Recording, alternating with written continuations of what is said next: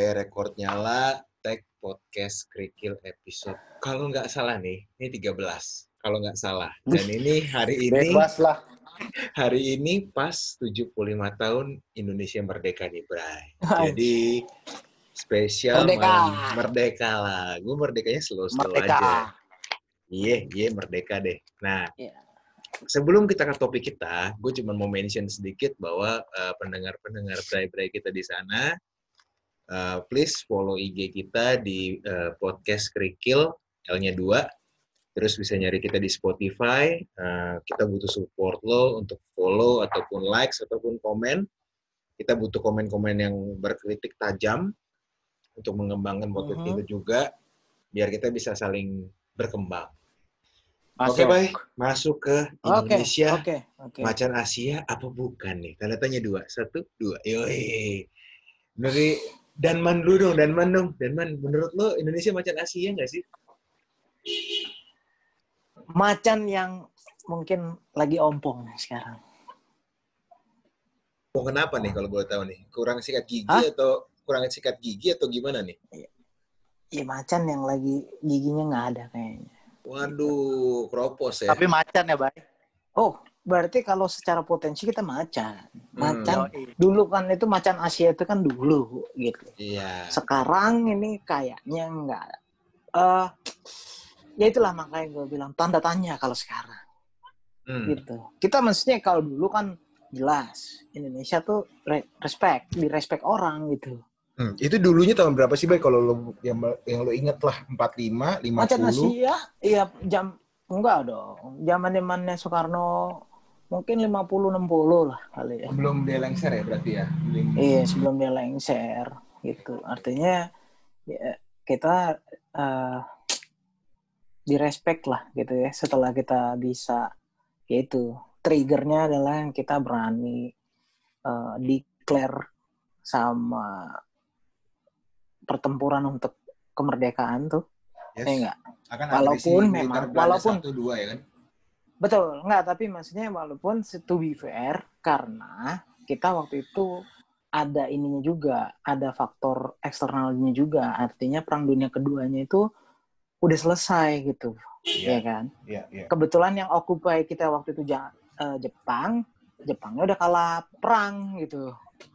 Ya itu kan Di itu kan situ pasca mau Oh, ah. kemerdekaan kan, mau kemerdekaan itu. Betul, maksudnya tapi pemuda-pemuda yang super-super berani nih, ya enggak akhirnya mengambil chances untuk oke, this is our time ya nggak? Oke, oke. kita harus declare. Nah, tapi maksud gua ya memang kalau lihat sejarahnya sebenarnya kan ya andai kata misalnya perang dunia kedua belum selesai gitu, misalnya Jepang belum dibom atom gitu, Ya. dan mereka nggak nggak angkat kaki kan kita nggak tahu nih.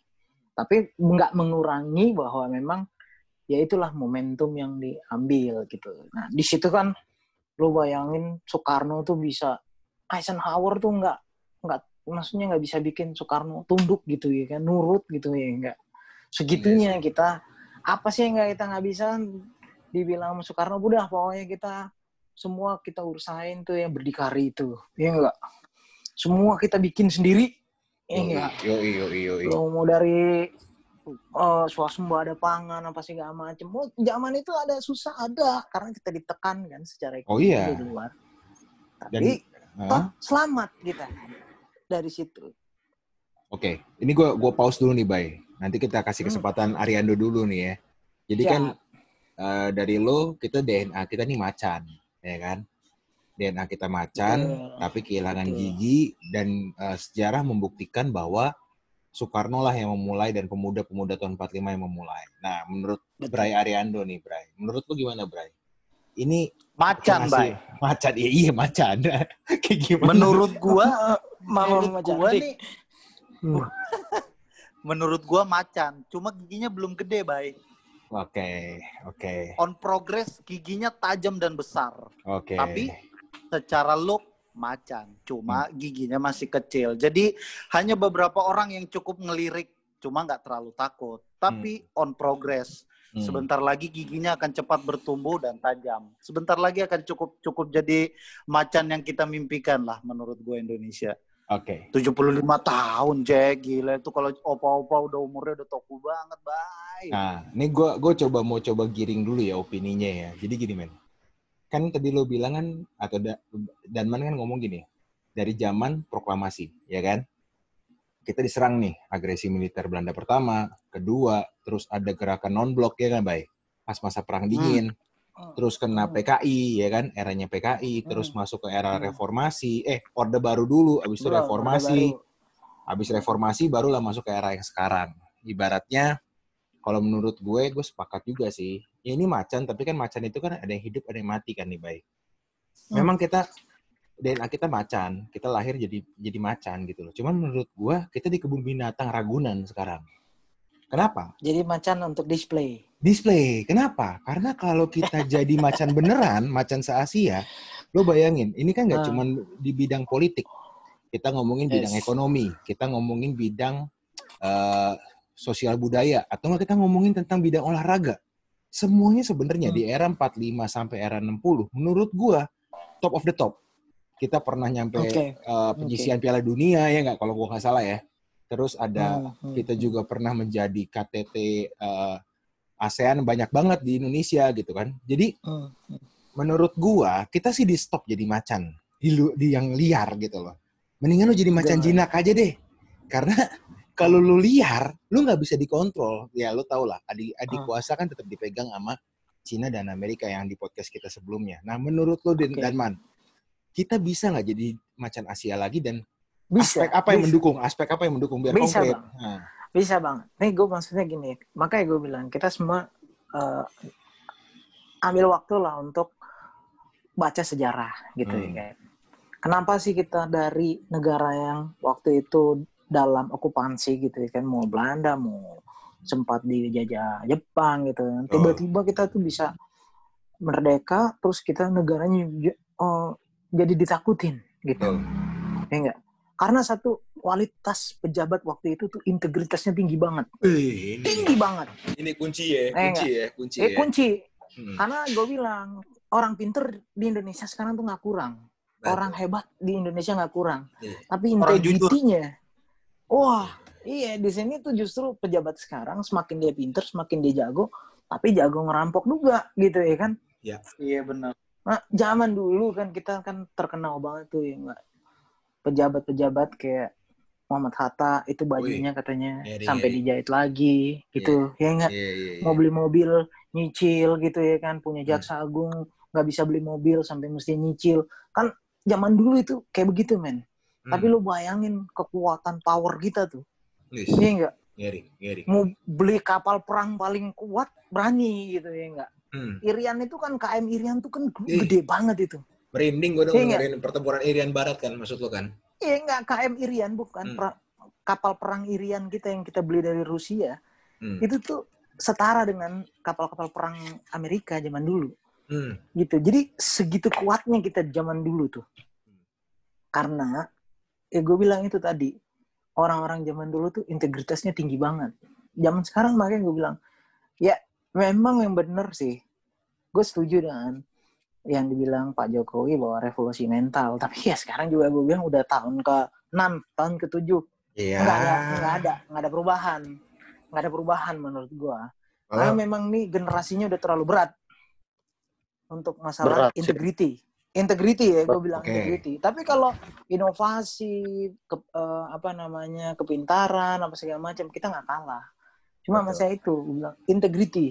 berarti dari sumber daya alam kita nggak ada masalah. Eh dong. Dari sumber daya manusia, it's a problem. Terutama di integrity. Betul. ya kan? Oke, Betul. Iya, gue pause yang kemarin-kemarin orang bilang tuh Hmm. akhlak. Nah. Ah, bobrok kita udah di bagian-bagian akhlak tuh Padahal- bobrok kita udah. Padahal mata pelajaran PPKN, PMP, dan lain-lainnya tuh, Iya. eh itu dari awal, men. Oke, lanjut dulu ke Oke, Ariando. udah. Menurut lo, baik, kita bisa jadi macan Asia dan aspek apa ya? Ya di luar integrity lah, menurut lo. Kalau gue sebenarnya kalau gue pribadi, gue lebih cenderung lebih optimis sih sebenarnya, mas gue dari dari dari Manurung sama lo, Manurung tadi bilang macan ompong lo, macan macan macan di Taman Safari. Gue bilang macan macannya gue versinya gue giginya udah mulai numbuh. Gue ngeliat contoh eh, sepersekarang eh, per, per mulai dari menlu menlunya Retno kita sudah mulai jadi dewan keamanan eh de, dewan tidak tetapnya dewan keamanan anggota tidak tetapnya dewan keamanan mas gua Oke. itu lumayan keren loh satu terus dari segi dari segi Kementerian SDM menurut gua Kementerian SDM itu udah terlalu parah bay jadi Hmm. menurut gua kasih waktu lah Erick Thohir dengan Erick Thohir waktu itu mendeklar dia akan potong sekitar 70 BUMN menurut gue itu BUMN. keren. BUMN kali maksud lo. Kenapa? BUMN kali, Kementerian BUMN. BUMN. BUMN, BUMN.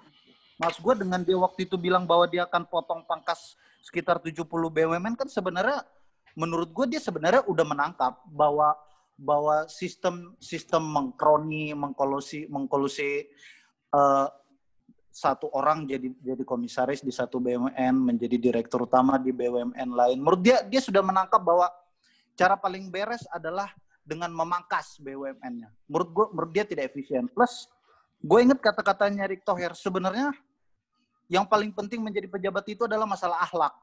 Hmm. Pas. Pas. Oke. Menurut gue adalah cuma masalah, sama kata orang menurung tadi, orang pintar banyak, cuma yang betul-betul punya akhlak bisa menjaga integritas, menjaga kejujurannya, itu yang sulit. Dan gue ngeliat Erick Thohir sudah on progress dalam hal itu. Hmm. Baik kalau Hmm. misalnya sekarang kalau misalnya kita bicara masalah pertanian ya, gue baru dengar kemarin baru kembali lagi kita masalah lahan pertanian di Kalteng. Walaupun yang dibawa ya Prabowo sebenarnya gua ju- juga bikin gue mikir ngapain Prabowo ngurusin ngurusin lahan pertanian mau tentara suruh Oh, nanam. enggak, itu sesuai justru. Sesuai. Ini, ini, ini, ini, ini, ini. Tapi- Hati loh. Tapi tapi menurut gue menurut gue Hmm. ini ini ini salah satu salah satu hal yang menarik yang boleh Ya. patut kita tunggu. Jadi kalau gue sebenarnya sudah kalau gue ngeliat dari omongan lu berdua, gue udah wa- wa- lebih lebih lebih satu langkah lebih ah, pasti negara kita jadi macan Asia. Iya. Oke, Gua siap. tanggapin dikit, Bang. Boleh, boleh, boleh, Siap. boleh. Yang satu, gue bilang makanya yang kita kejar itu jangan yang pencitraan. Hmm. Iya Kayak Ariando bilang, misalnya nih gini, lu bangga dengan lu secure bahwa kita jadi anggota Dewan Keamanan nggak tetap. Apa artinya sih? Gue tanya, Nah, nggak iya. ada kok. Impact ada. ekonomi, impact yang Kenapa? lain. ya. PBB itu menurut gue pribadi malah kan udah perlu dibubarin aja gitu. Itu orang-orang tua nongkrong-nongkrong ngomong-ngomong doang di sono. Ada dia bisa, ada dia bisa, ada dia bisa ngatur sesuatu. Nggak ada gitu ya kan. Ada yang kecil-kecil aja kayak ISIS gitu dia nggak bisa ngapa-ngapain. Ya enggak? Nggak usah jauh-jauh perang antar negara gitu. ISIS itu ISIS itu teroris men. Gitu. Bisa ngapain deh? Nggak ada, nggak bisa ngapa-ngapain. Ada kayak kejadian di Rohingya gitu apa segala macam. Selalu bisa menyerukan ya kan? Me- me- apa itu istilahnya? Kita memprotes keras. Ah ada gunanya. Gitu. Dan gua kasih tau sama lo misalnya contoh ya. Cina paling sering memposisikan dirinya dia tuh yang lemah di Oke. organisasi dunia. Kenapa? Dengan dia memposisikan diri dia lemah itu dia mendapat advantage gitu loh. Dia udah negara maju tapi dengan dia memposisikan dia negara berkembang dia justru mendapat advantage. Artinya apa?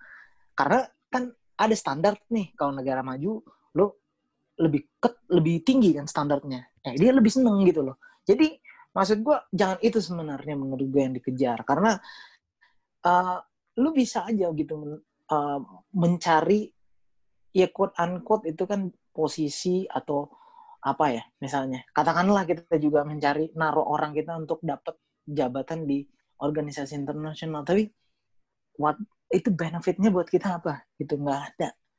Gitu ya kan? Yang gue maksud itu kan sekarang gini maksudnya kita nih tata kelola kita nih udah kacau banget sekarang nih. Ya memang bukan bukan pemerintahan ini sih. Tapi pemerintahan ini juga belum secepat yang kita mau untuk ngerubah. Gitu. Ini memang kan produk udah 40 tahun lebih gitu kita nih.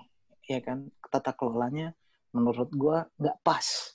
Gitu banyak korupsi ya kan semuanya ngalur ngidul. Nggak jelas tujuannya mau ke mana nggak jelas gitu ya kan.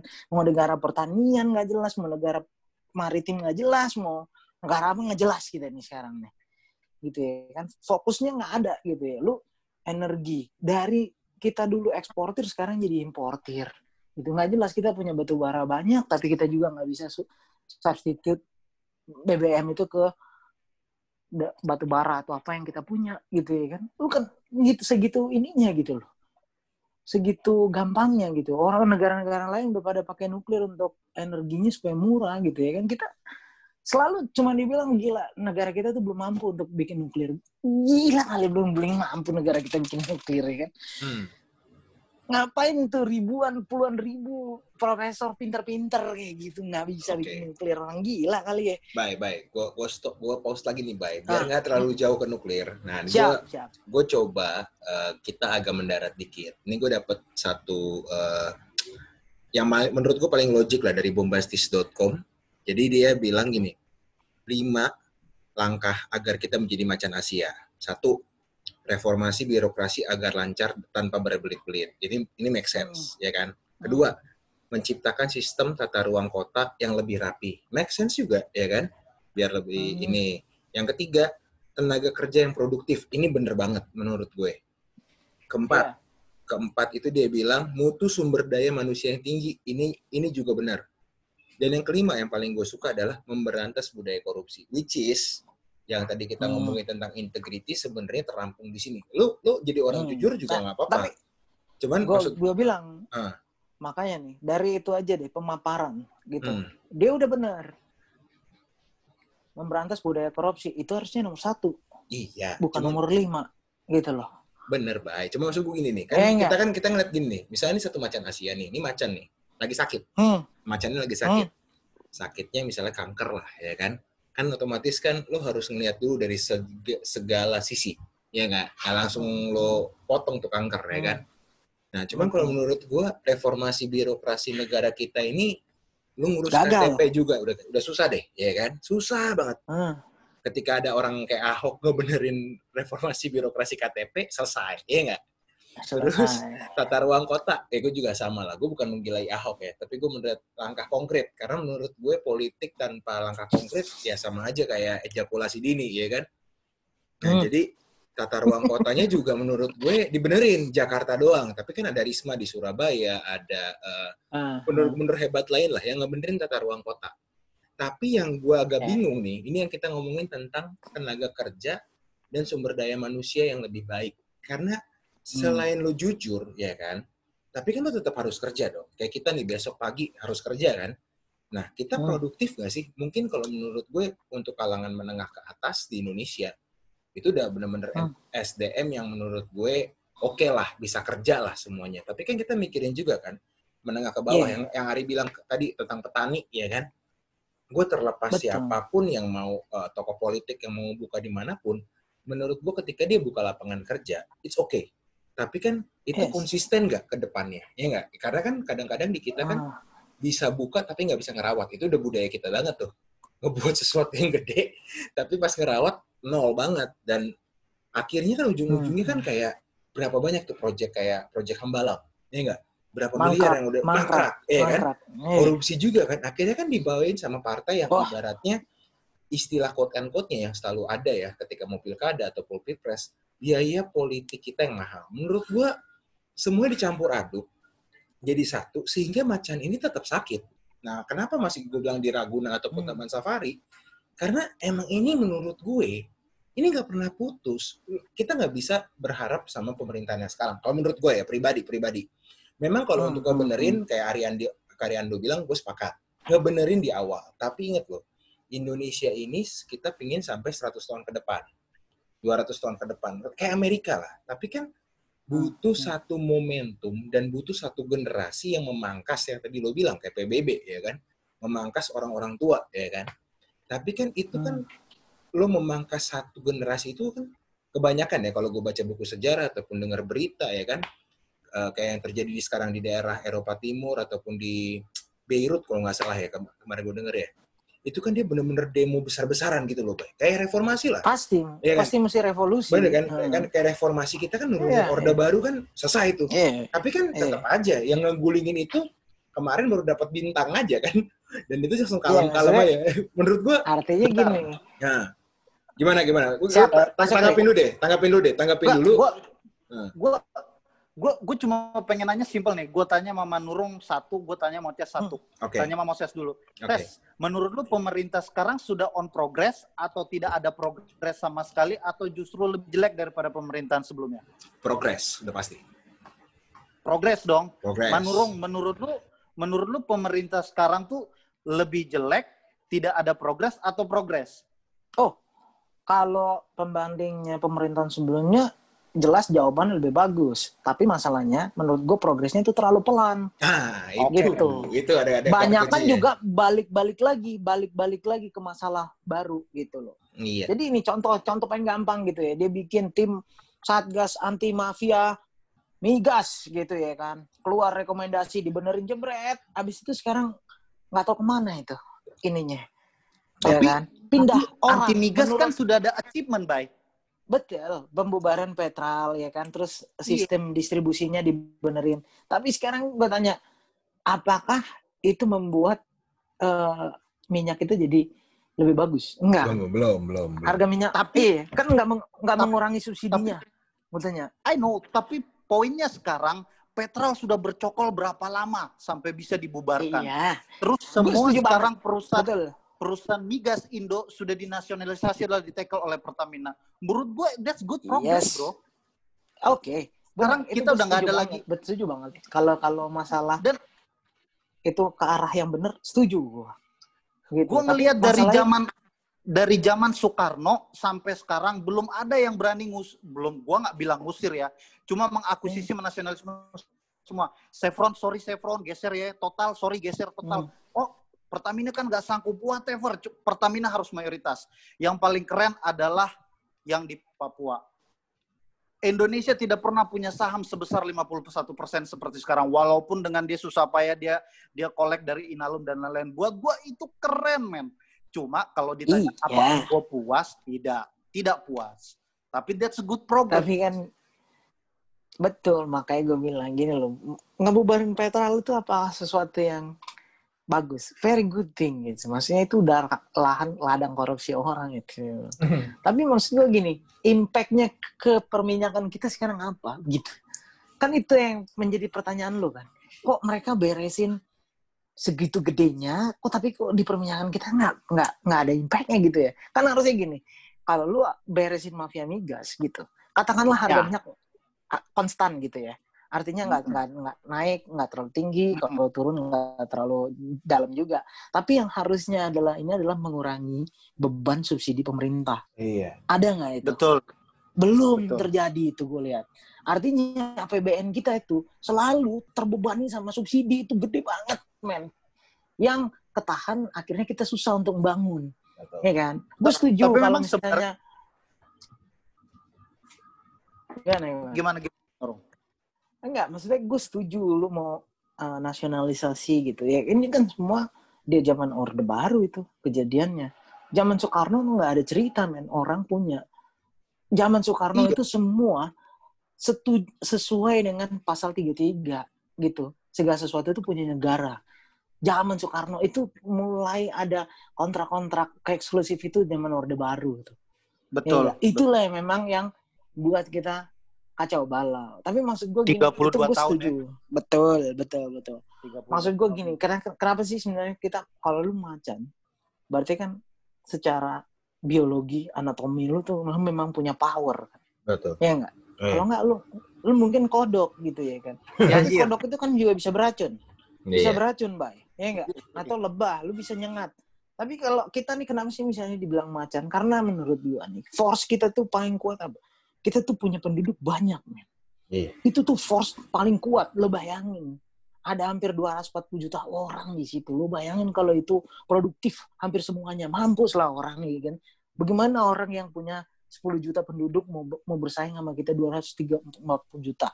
Itu satu tuh. Karena ekonominya juga udah besar pasti kan. Hmm. Ekonomi konsumsi lo sendiri juga udah besar gitu. Nah, kedua, kita tuh lahan kita apa sih yang kurang? Ya enggak, matahari ada hampir 6 bulan, 7 bulan di kita. Lu mau tanam apa aja hampir tumbuh di sini. Ya enggak, kita punya lautan yang pemerintah kita emang juga udah bener gitu. Laut kita ini selama ini nggak pernah digarap gitu ya kan. ikan dicolongin ya nggak apa segala macam udah mulai bener udah mulai bener cuma ini yang masalah gue bilang selalu ini semua ini ya kan? kayak lo bilang tadi reformasi kita sampai punya kementerian khusus namanya apa itu pemberdayaan aparatur negara. Kalau gue langsung gue bubarin itu satu saat gue berkuasa itu langsung gue bubarin itu pertama kali. Pertama kali. Ya kan? Oke, oke. pemberdayaan aparatur negara. Orang lu setiap kementerian itu lu punya HRD juga kok. Ada inspektorat ada segala macam. Tapi lu sampai punya kementerian khusus.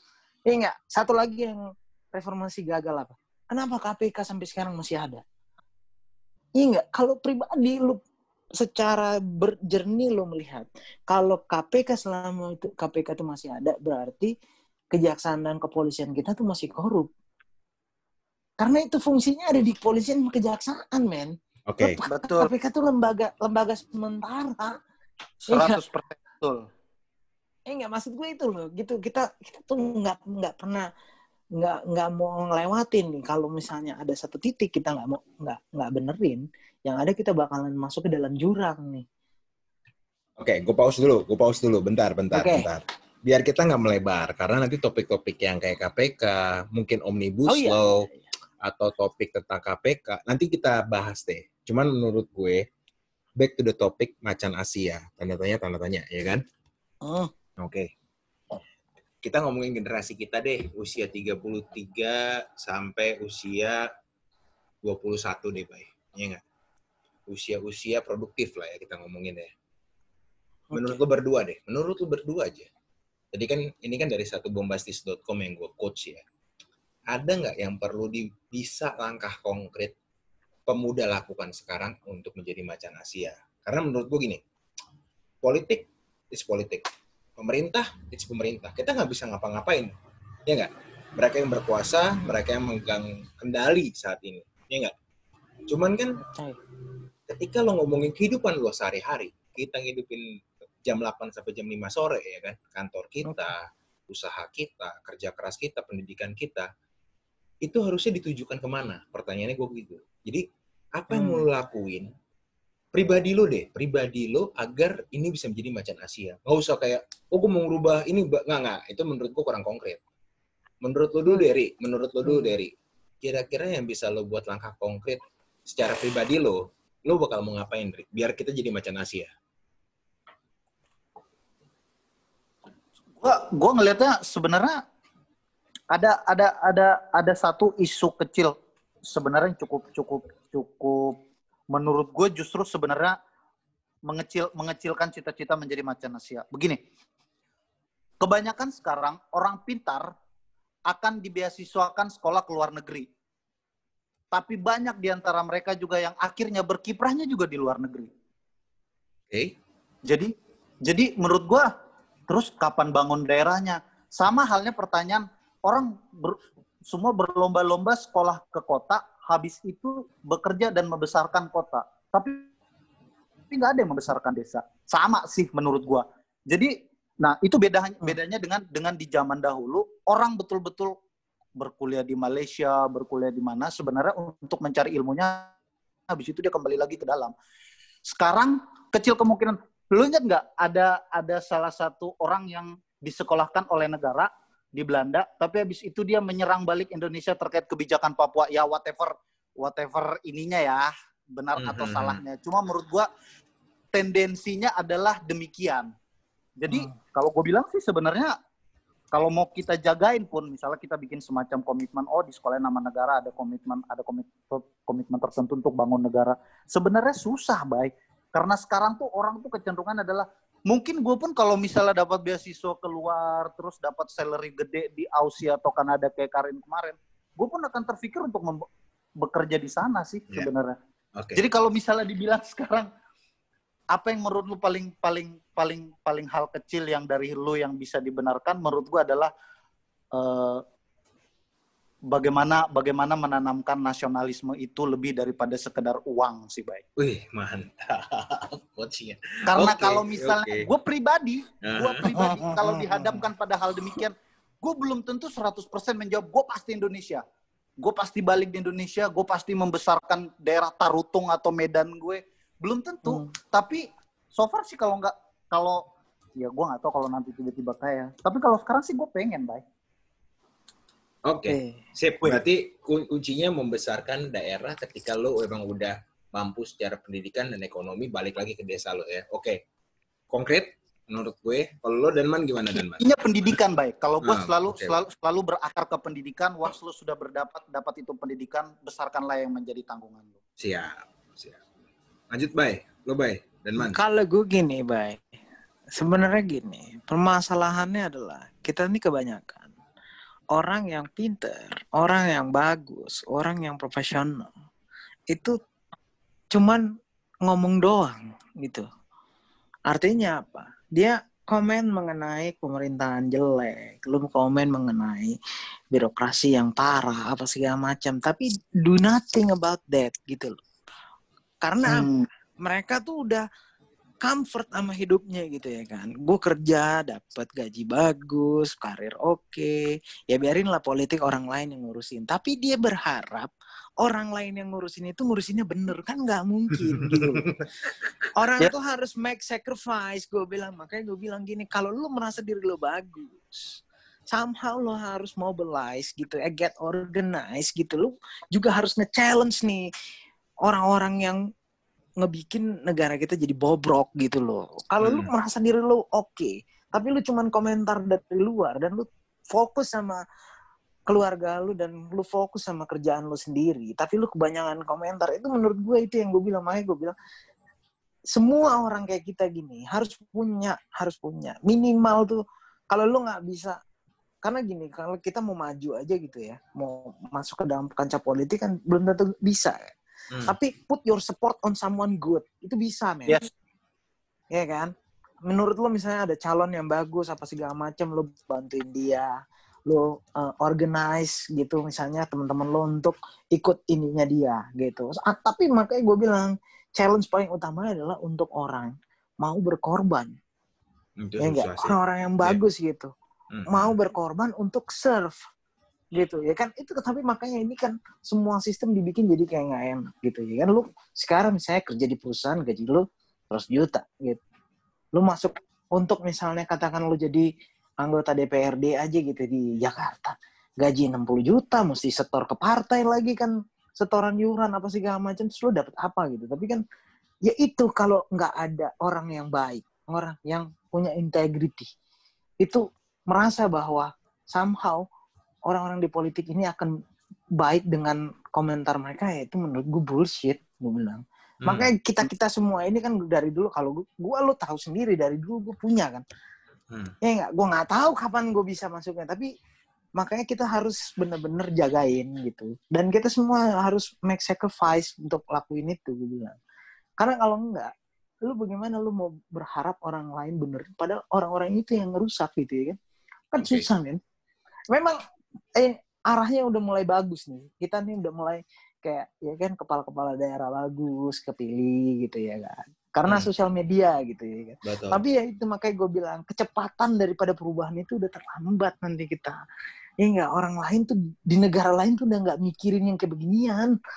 Gitu mereka udah berpikir gimana caranya nih kita nih mau mau supaya bisa megang global ini gitu ya kan secara ekonomi kayak secara apa gitu tapi kalau kita kan di di sini aduh masih terlalu banyak aneh-anehnya gitu loh Oke. ya karena Dari itu gua, oke. Dari dulu. Hmm, hmm. Dari gua dulu deh, itu dari gua dulu deh, dari gua dulu deh. menguasai udah sekarang Gua dulu deh. Gua gua gua closing statement gua lah ya untuk episode ini lah ya. Gua baru wawancara tadi pagi dan ketika Pancasila dibacain, gua langsung Hmm. eh, kena banget ketika kita mau buat tag podcast ini. Sila kelima. Keadilan sosial bagi seluruh rakyat Indonesia. Sila kelima ini dibacakan dari gua SD sampai sekarang gua ada umur 33 ya nggak Hmm. sih? Mustinya sih meresapi, dihafal iya, ya kan? oke Tapi diimplementasikan dengan tadi statement Ariando, Manurung, ini menurut gue yang miss. Karena gue juga nggak bisa buat keadilan sosial yang ada sekarang di kantor Hmm. ataupun yang ada di kehidupan gue karena ini sangat-sangat susah. Apalagi tadi lu ngomongin tentang sacrifice. So basically dari gue ya langkah konkret gue ya benar-benar membuat sebuah ke aktivitas lah ya, aktivitas yang konkret tentang keadilan. Karena dari situ akan ada impact untuk orang lain gitu loh, Bay. Dan kita bisa lanjut nih ya menurut gue ke topik-topik yang lebih hangat lagi. Karena untuk menjadi macan Asia nggak bisa satu episode. Tapi kita kan dengan Yoi. podcast, podcast kerikil ini kita kita berharap ada yang mendengarkan, ada yang mendapatkan insight-nya ya kalau dapat. Nah, Tapi kalaupun enggak, yang penting obrolan kita nih menjadi semangat kita bertiga lah, ya kan? yes. Oke. Sepakat. Closing statement dari lu apa, Man? Enggak, enggak. Kalau gue rasa gini, sebenarnya banyak kok orang yang berpikiran ah, kayak kita udah jengah dan udah sebenarnya mereka juga ready. Gitu. Kita hanya butuh momentum, ya kan, untuk get going gitu, untuk mulai gitu. Ya memang Jokowi ini ada, tapi dia eh ya ini gue bilang terlalu banyak kalkulasi politik kan. eh, Oke. Ininya tuh juga tarikan di belakangnya juga keras gitu. Oke, clear. Lanjut, Ri. Terakhir dari lo. Kalau gue cuma satu, tetap optimis, optimis, optimis. Kita pasti jadi macan Asia. Anjay. Oke, bye. Thank you for this episode. Uh, kita ketemu Oke. lagi next week. Keep Merdeka. safe. Merdeka. Merdeka.